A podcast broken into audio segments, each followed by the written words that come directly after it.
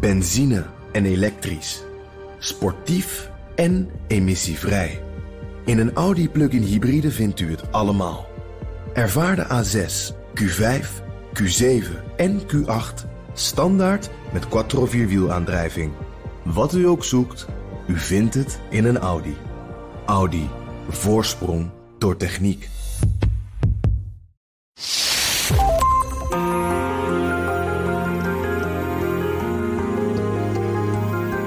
Je luistert naar De Stratege, een podcast van BNR in samenwerking met het Den Haag Centrum voor Strategische Studies. Mijn naam is Paul van Liemt. De Stratege is even met vakantie en daarom blikken we de komende vier weken terug op de tweede helft van dit seizoen.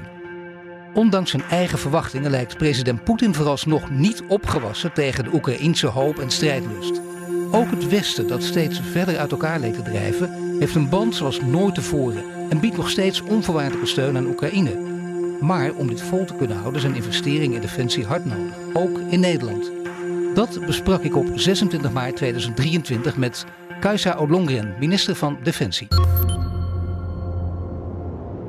Nog niet zo lang geleden bent u in Oekraïne geweest. Wat trof u daar aan? Nou, wat ik daar aantrof, ik was in, in Odessa en Mykolaiv. Mykolaiv was in het begin van de grootschalige invasie echt het front.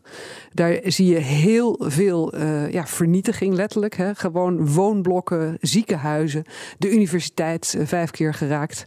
Ja. Um, uh, Odessa, uh, daar is Rusland wel in de buurt geweest, maar is nooit aangevallen geweest. Maar het is wel een, uh, een, een, stad, laten we zeggen, in, in, in oorlogsstemming.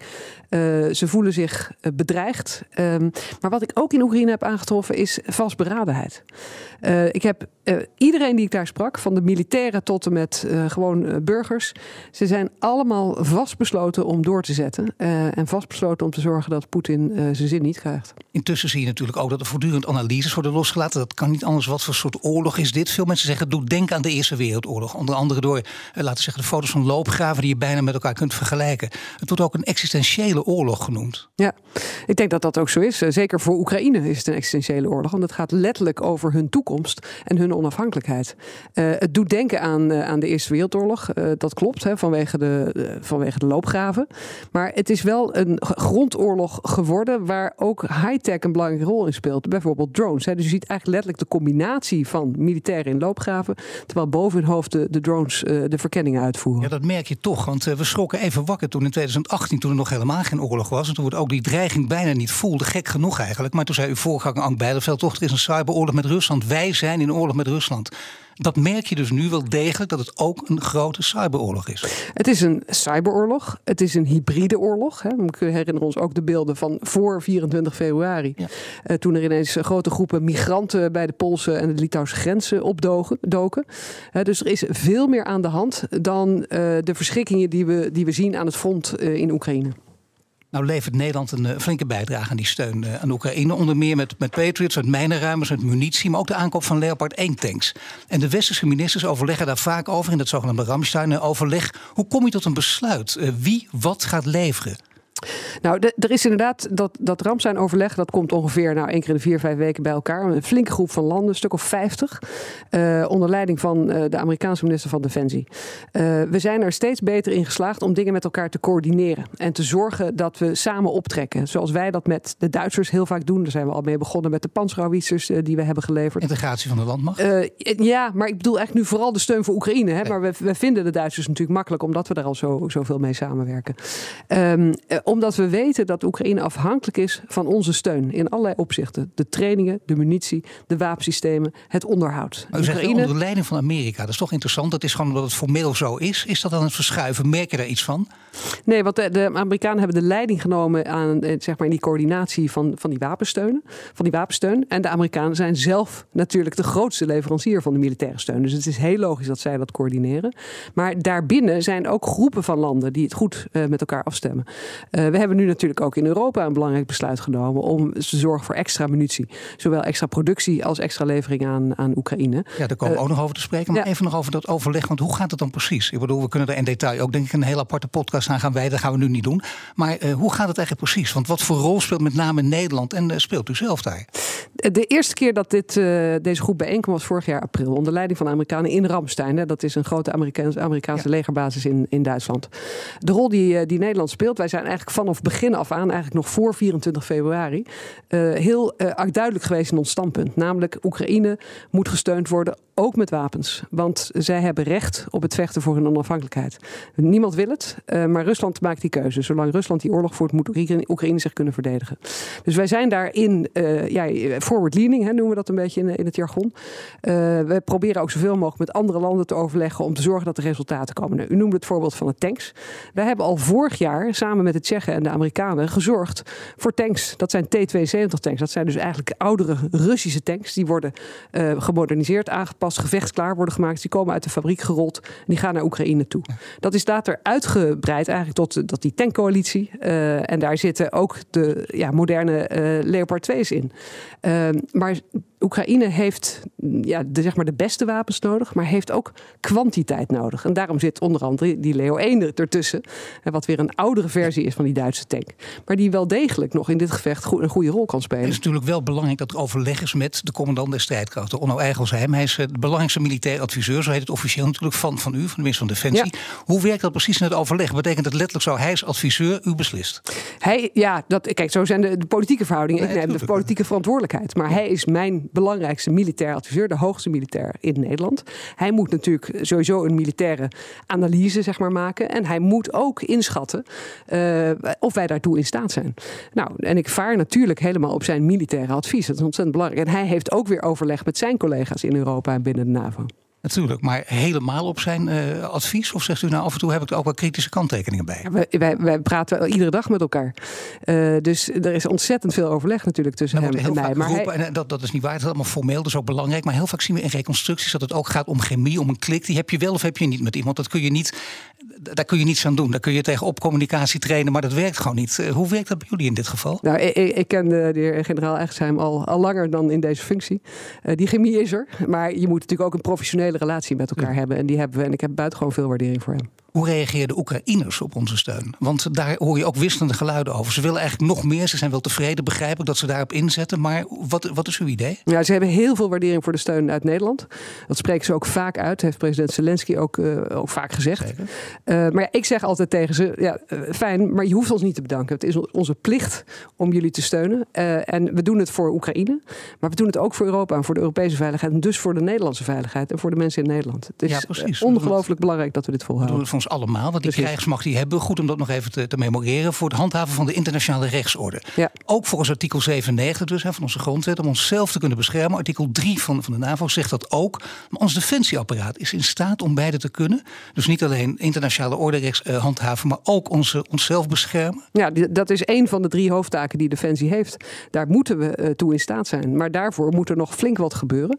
Uh, en daarom is het zo goed dat we nu echt veel meer budget hebben voor Defensie. En dat we plannen hebben nu op dit moment gewoon niet toe in staat. Nou ja, kijk, we zijn, we zijn niet, voor niet, sorry, niet voor niets lid van de NAVO. Uh, daar begint het toch mee. Hè. De beste bescherming van Nederland is lid zijn van een bondgenootschap dat zorgt voor die veiligheid. Uh, en dat betekent dat wij erop kunnen rekenen. Dat betekent ook dat de bondgenoten op ons moeten kunnen rekenen als er ergens anders iets gebeurt. Goed, we, we hebben allemaal. Wel, mag ik toch even praten onze studio in Den Haag? Laten we het even heel dichtbij halen. Ja. Het internationaal strafhof in Den Haag wil Poetin vervolgen.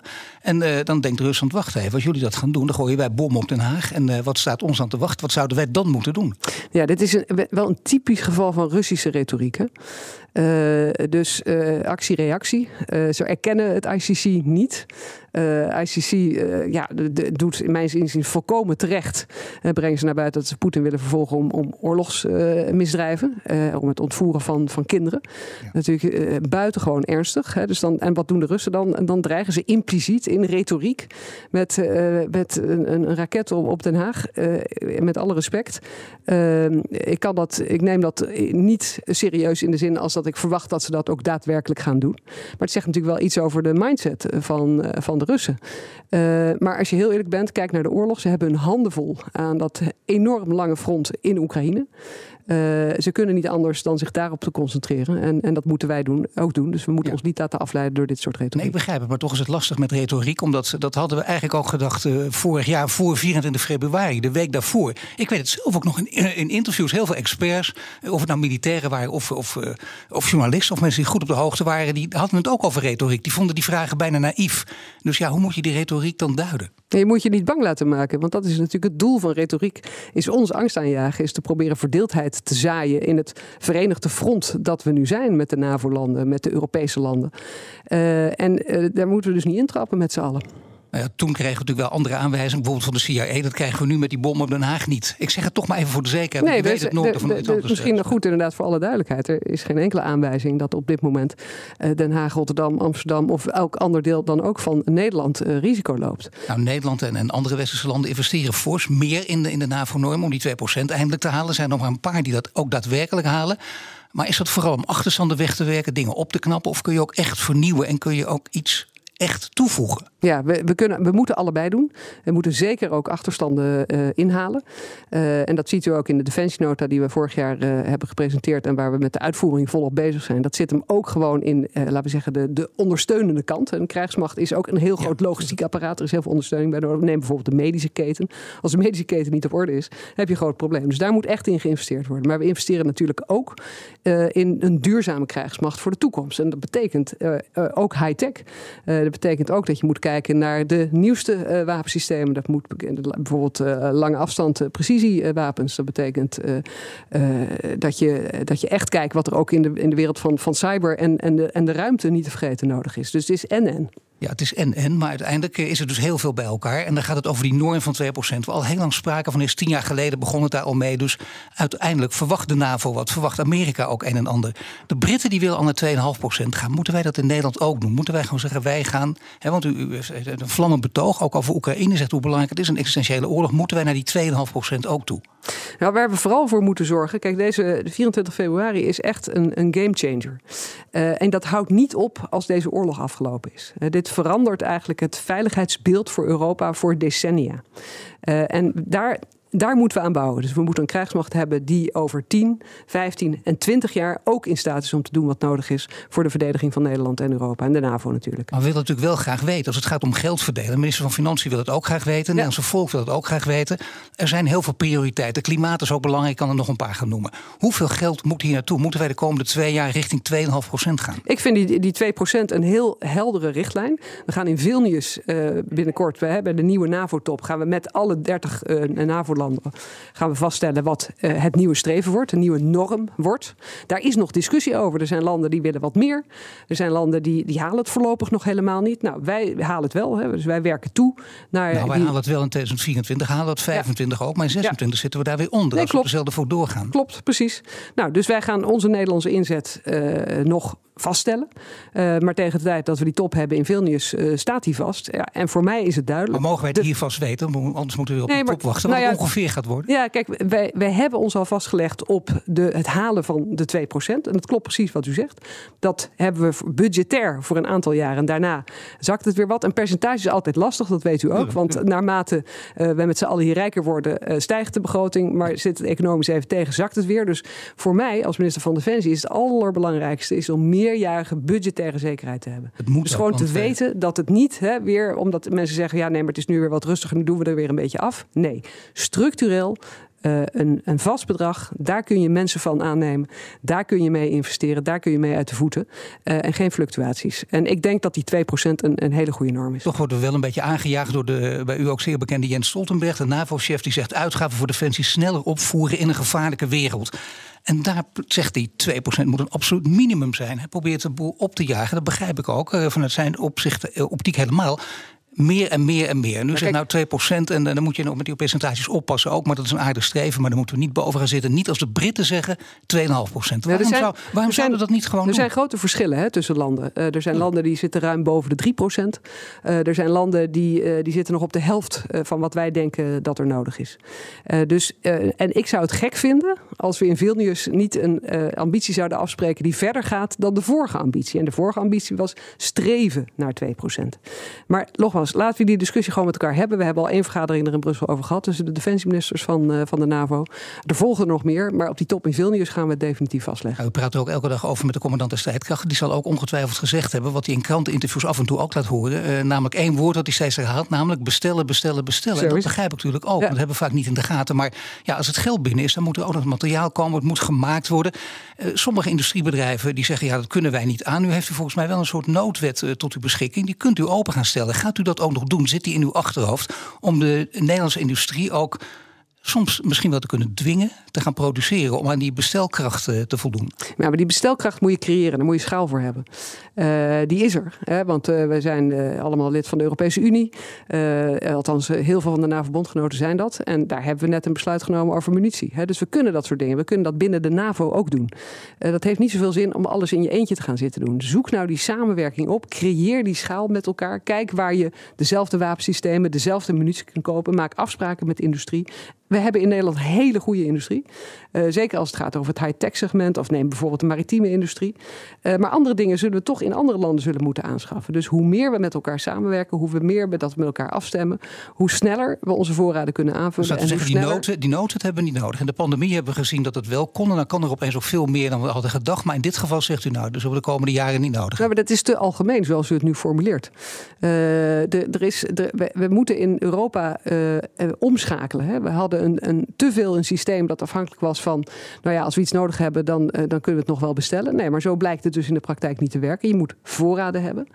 Uh, en daar, moet, daar hebben we de industrie voor nodig. Dus daarom zeg ik ook steeds: we moeten een veel intensiever en beter overleg hebben met diezelfde industrie. Want ook de industrie blijkt geen voorraad te hebben. He, dus de industrie is ook weer afhankelijk van leveranciers. Het gaat hier ook dus gewoon weer om communicatie. En ja. het is natuurlijk in een veranderende situatie, begrijpen we allemaal. Want anders ga je inderdaad heel erg overal weer slak, uh, zout beslakken. Dat heeft geen zin. Zout op de wond heeft geen zin.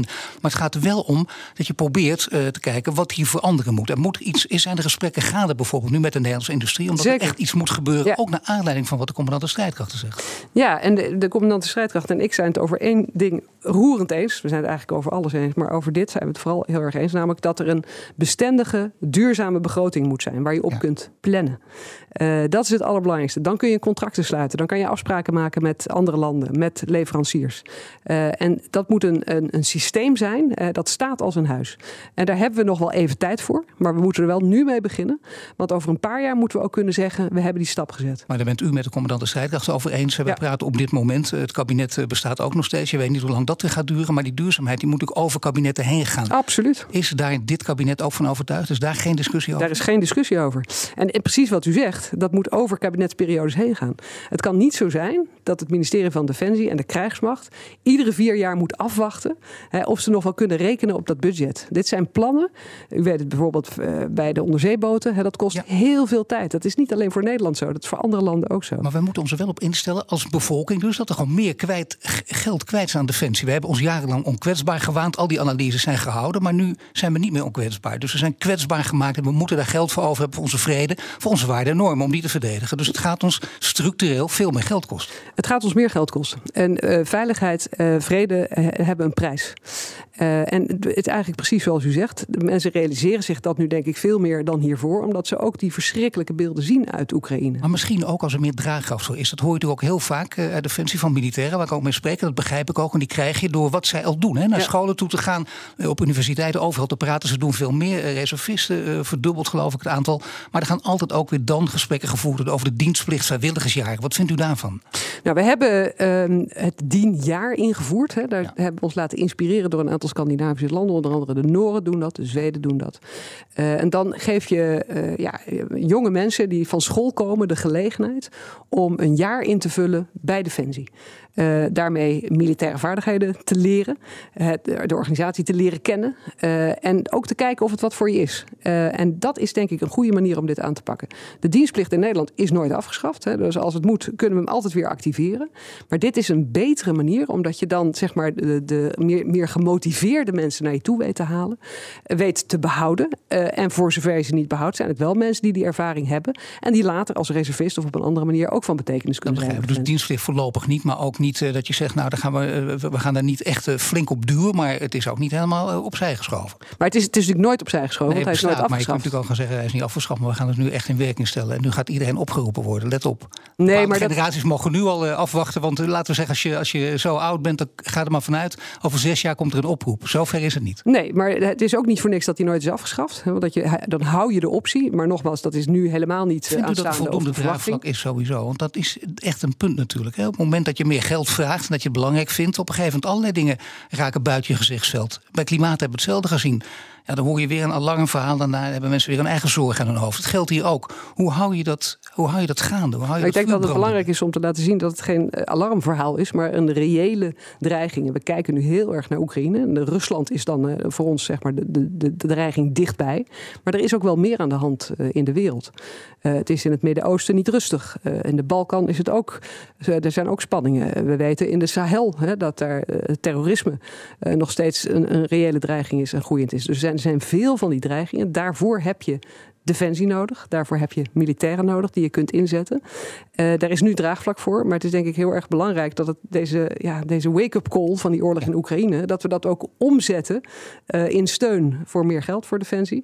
Uh, en in het aantrekken van meer mensen voor de Nederlandse krijgsmacht. En daarbij is het van belang, dat heeft u een paar keer benadrukt, die samenwerking. Dat begrijp ik ook. U zegt niet voor niets, ook zowel binnen de NAVO als de EU, gezamenlijk munitie inkopen voor Oekraïne.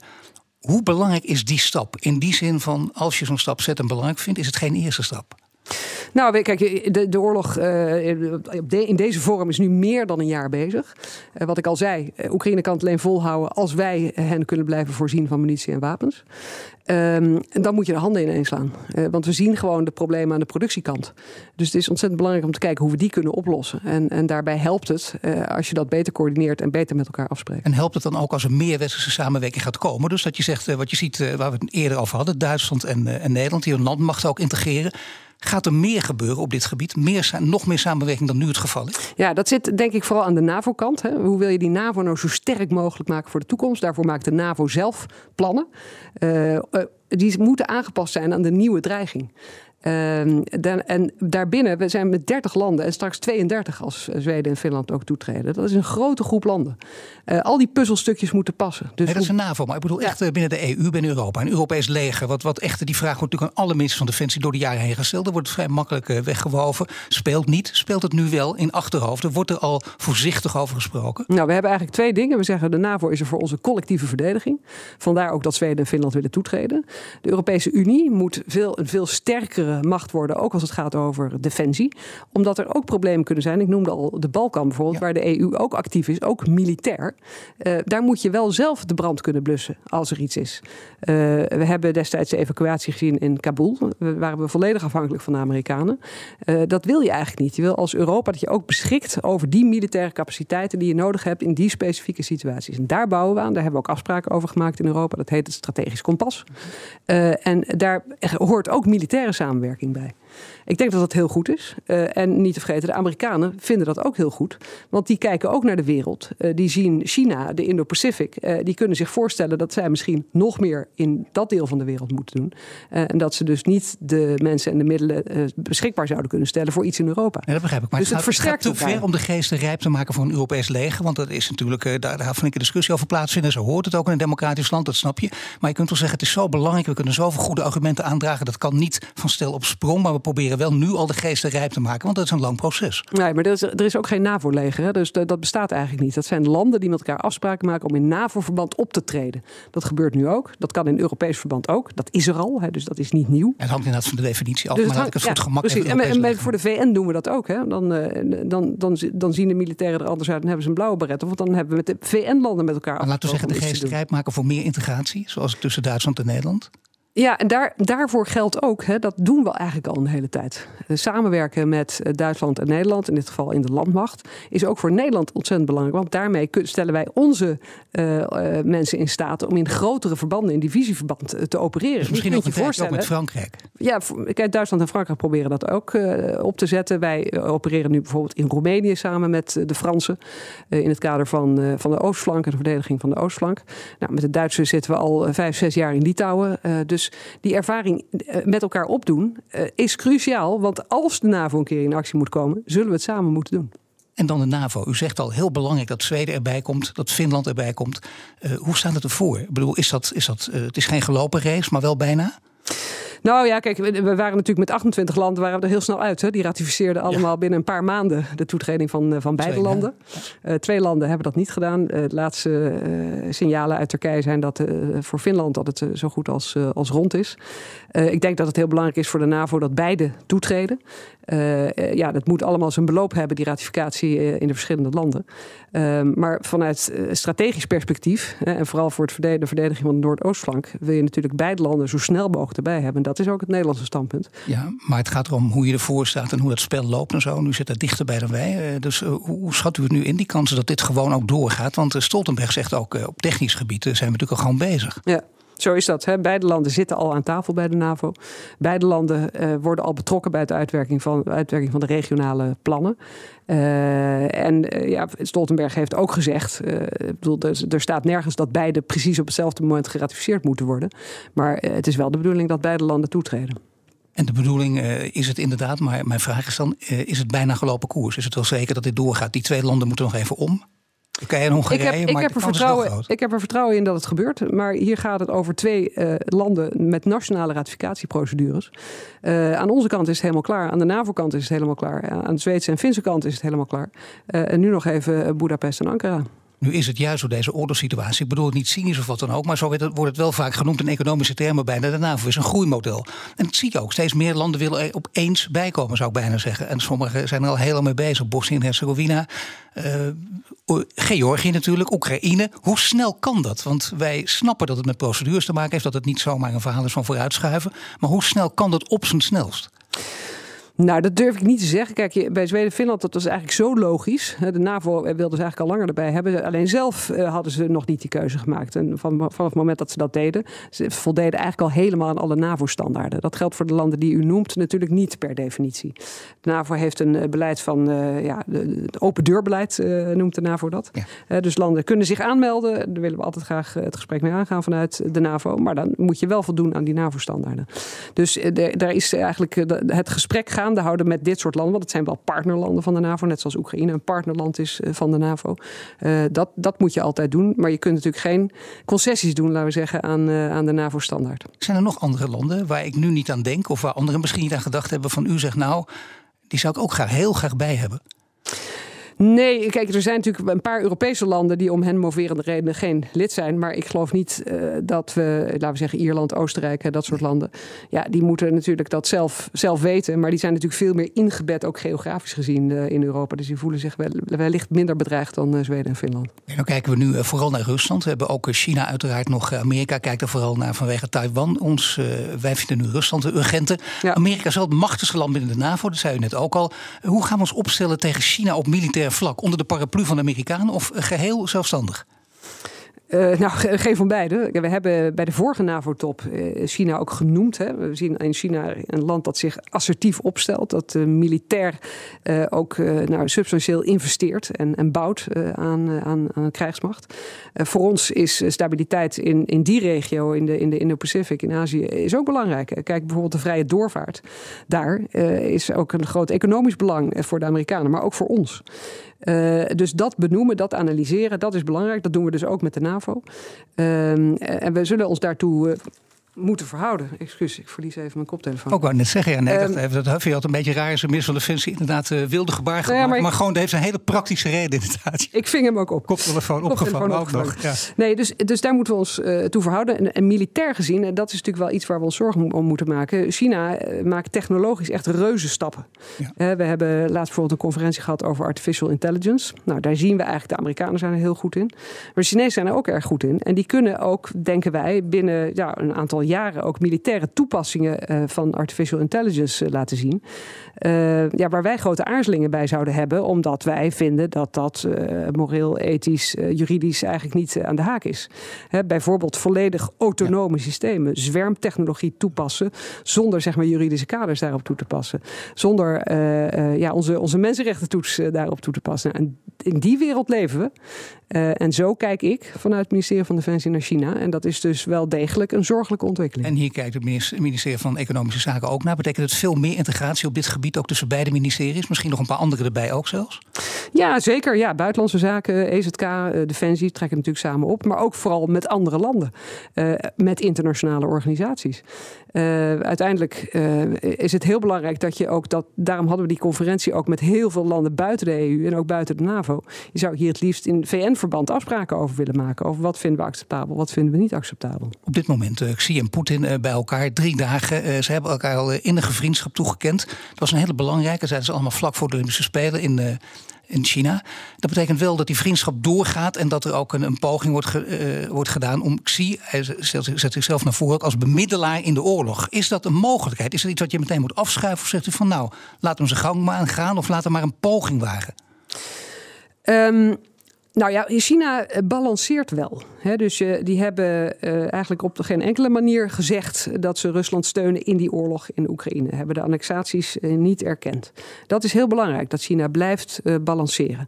tegelijkertijd, het is ook een beetje een ongemakkelijke vriendschap. want we herinneren ons misschien ook nog wel de tijd waarin de Sovjet-Unie eigenlijk de grootmacht was. En China nog ja, een, een beetje onbeduidend was in de ogen dan van, van de Sovjet-Unie. Dat is helemaal omgedraaid. China is natuurlijk groter en belangrijker en rijker en ontwikkelder geworden dan, uh, dan de Russische Federatie. Dus je, je, je, ziet ook een zeker ongemak, want Rusland is hard op weg om zich veel afhankelijker te maken van, van China. Maar zou China een bemiddeling kunnen wagen? Nou, ik, kijk, als je een beetje positief naar probeert te kijken, het feit dat ze balanceren, dat ze voorstellen doen, ja, waarvan ik denk dat die voor Oekraïne nog helemaal niet in de buurt komen van iets wat ook uh, een gesprek waard is. Uh, maar dat is wel belangrijk. En tegelijkertijd, we moeten ook niet naïef zijn. Hè, dus deze uh, geopolitieke situatie is voor China misschien best wel comfortabel. Want ja, zolang de Amerikanen volop bezig zijn met Rusland, zijn ze misschien iets minder bezig met China. Althans, nee, zo zou de Chinese perceptie kunnen nee, zijn. Dat begrijp ik, maar het is wel belangrijk om te zeggen van dan gebeurt er nog niets. Maar je kunt ook meteen zeggen: nee, dat kan niet, want de wantrouwen. je kunt ook zeggen: natuurlijk hebben we een gezond wantrouwen, maar laat ze toch maar een poging ondernemen. Nou, de, de, zolang China eh, balanceert en niet nadrukkelijk kiest voor Rusland en, en bij voorkeur uh, ook geen uh, wapens levert aan Rusland, ja, dat heb ik natuurlijk liever dan het omgekeerde. En uh, dan moeten we altijd bereid zijn om te kijken naar de voorstellen die ze doen. Er is geen aanwijzing overigens dat er wapens worden geleverd, want er wordt natuurlijk hevig over gespeculeerd. Ja, ja. Nou ja, er wordt hevig over gespeculeerd. En ik denk dat het belangrijk is om te markeren dat als China daartoe over zou gaan, dat dat een escalerend effect zou hebben. Dus dat is echt niet zeer onwenselijk zelfs dat gebeurt. Belangrijk voor Defensie, belangrijke boodschap van u ook, begrijp ik, van de commandant de strijdkrachten ook. We hebben veel geld nodig, de bevolking moet het begrijpen. Het gaat om onze veiligheid, dat is belangrijk. Die boodschap wil je ook breed uitdragen. Dus dan ga, je ervan uit dat het ook heel lang gaat duren in Oekraïne. Gaan overigens de meeste experts ook wel van uit. Maar welke kant ziet u de oorlog opgaan? Schaart u zich altijd de mensen die zeggen dit wordt een frozen conflict en dat kan dus zeker tien jaar of langer duren? Dat is één van de scenario's. Ik, weet je, we, hebben geen van allen een glazen bol. We moeten gewoon kijken naar de analyses, de militaire analyses van, van hoe het nu gaat. Dit is natuurlijk niet waar de Oekraïners van uitgaan. Dat is ook geen voorkeursscenario vanuit hun perspectief. En en we, we, verwachten ook allemaal dat Oekraïne, hè, ze hebben natuurlijk gevraagd om tanks, om meer munitie, dat ze dat ook zullen gaan inzetten in een soort contra-offensief op de een of andere manier. En zullen kijken hoe dat, hoe dat gaat. Kijk, zij vechten de oorlog. Hè. Wij kunnen hen voorzien van, van materieel, van training, et cetera. Maar de oorlog wordt door hen gevochten. Uh, het zijn ook hun soldaten die sleutelen aan de front. Uh, en uh, ik, dus vanuit hun perspectief, ja, hoe eerder het afgelopen is, hoe beter. Maar wij moeten wel serieus rekening houden met de optie dat het nog jaren kan duren. Ja, wij kunnen natuurlijk nog wel iets doen, zoals enkele Oost-Europese landen ook doen, die gevechtstoestellen leveren. Ziet u dat als een mogelijkheid dat wij zoiets op termijn ook doen met onze F-16's? Nou, wat relevant is, denk ik, de Polen en de Slowaken hebben besloten om hun oude Russische toestellen te leveren. Ja. Zij zelf maken de transitie naar, naar westerse vliegtuigen. die, de Oekraïners kunnen die meteen inzetten, hè, want daar vliegen ze al mee. Dus ze hebben al piloten en technici die daarmee om kunnen gaan. Dus dat kan meteen betekenis hebben in het gevecht van vandaag en morgen. Uh, als uh, uh, Oekraïne straks, hè, ook na de oorlog, moeten ze sowieso kunnen ze niet meer afhankelijk zijn van Russische spullen. Dus moeten ze Europese en Amerikaanse spullen gaan, gaan kopen. dus die transitie die gaat er komen. Maar, maar voor de oorlog nu uh, kunnen de MIGs wel betekenis hebben. En andere gevechtsvliegtuigen, daar zit natuurlijk een veel langere tijdsplanning ja, dus aan vast. Op korte termijn uh, dat wij met onze F-16 iets gaan doen, dat kan niet. Op korte termijn niet, nee. En dat was minister van Defensie Kajsa Olongren. De oorlog in Oekraïne heeft ertoe geleid dat het veiligheidsbeleid van de Nederlander is veranderd. Maar een veranderend beleid is niet genoeg. De komende jaren moet er namelijk structureel meer geld naar defensie gaan, want veiligheid en vrede hebben een prijs. Volgende week zijn we er weer en dan kijken we naar het gevecht om kritieke grondstoffen. Wil je meer afleveringen van de Stratege terugluisteren? Je vindt hem op Apple Podcasts en Spotify, maar ook in de BNR-app of op bnr.nl. Abonneer je meteen en tot de volgende keer.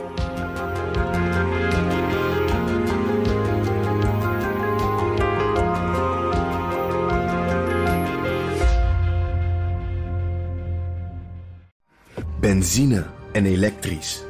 Sportief en emissievrij. In een Audi plug-in hybride vindt u het allemaal. Ervaar de A6, Q5, Q7 en Q8 standaard met quattro vierwielaandrijving. Wat u ook zoekt, u vindt het in een Audi. Audi. Voorsprong door techniek.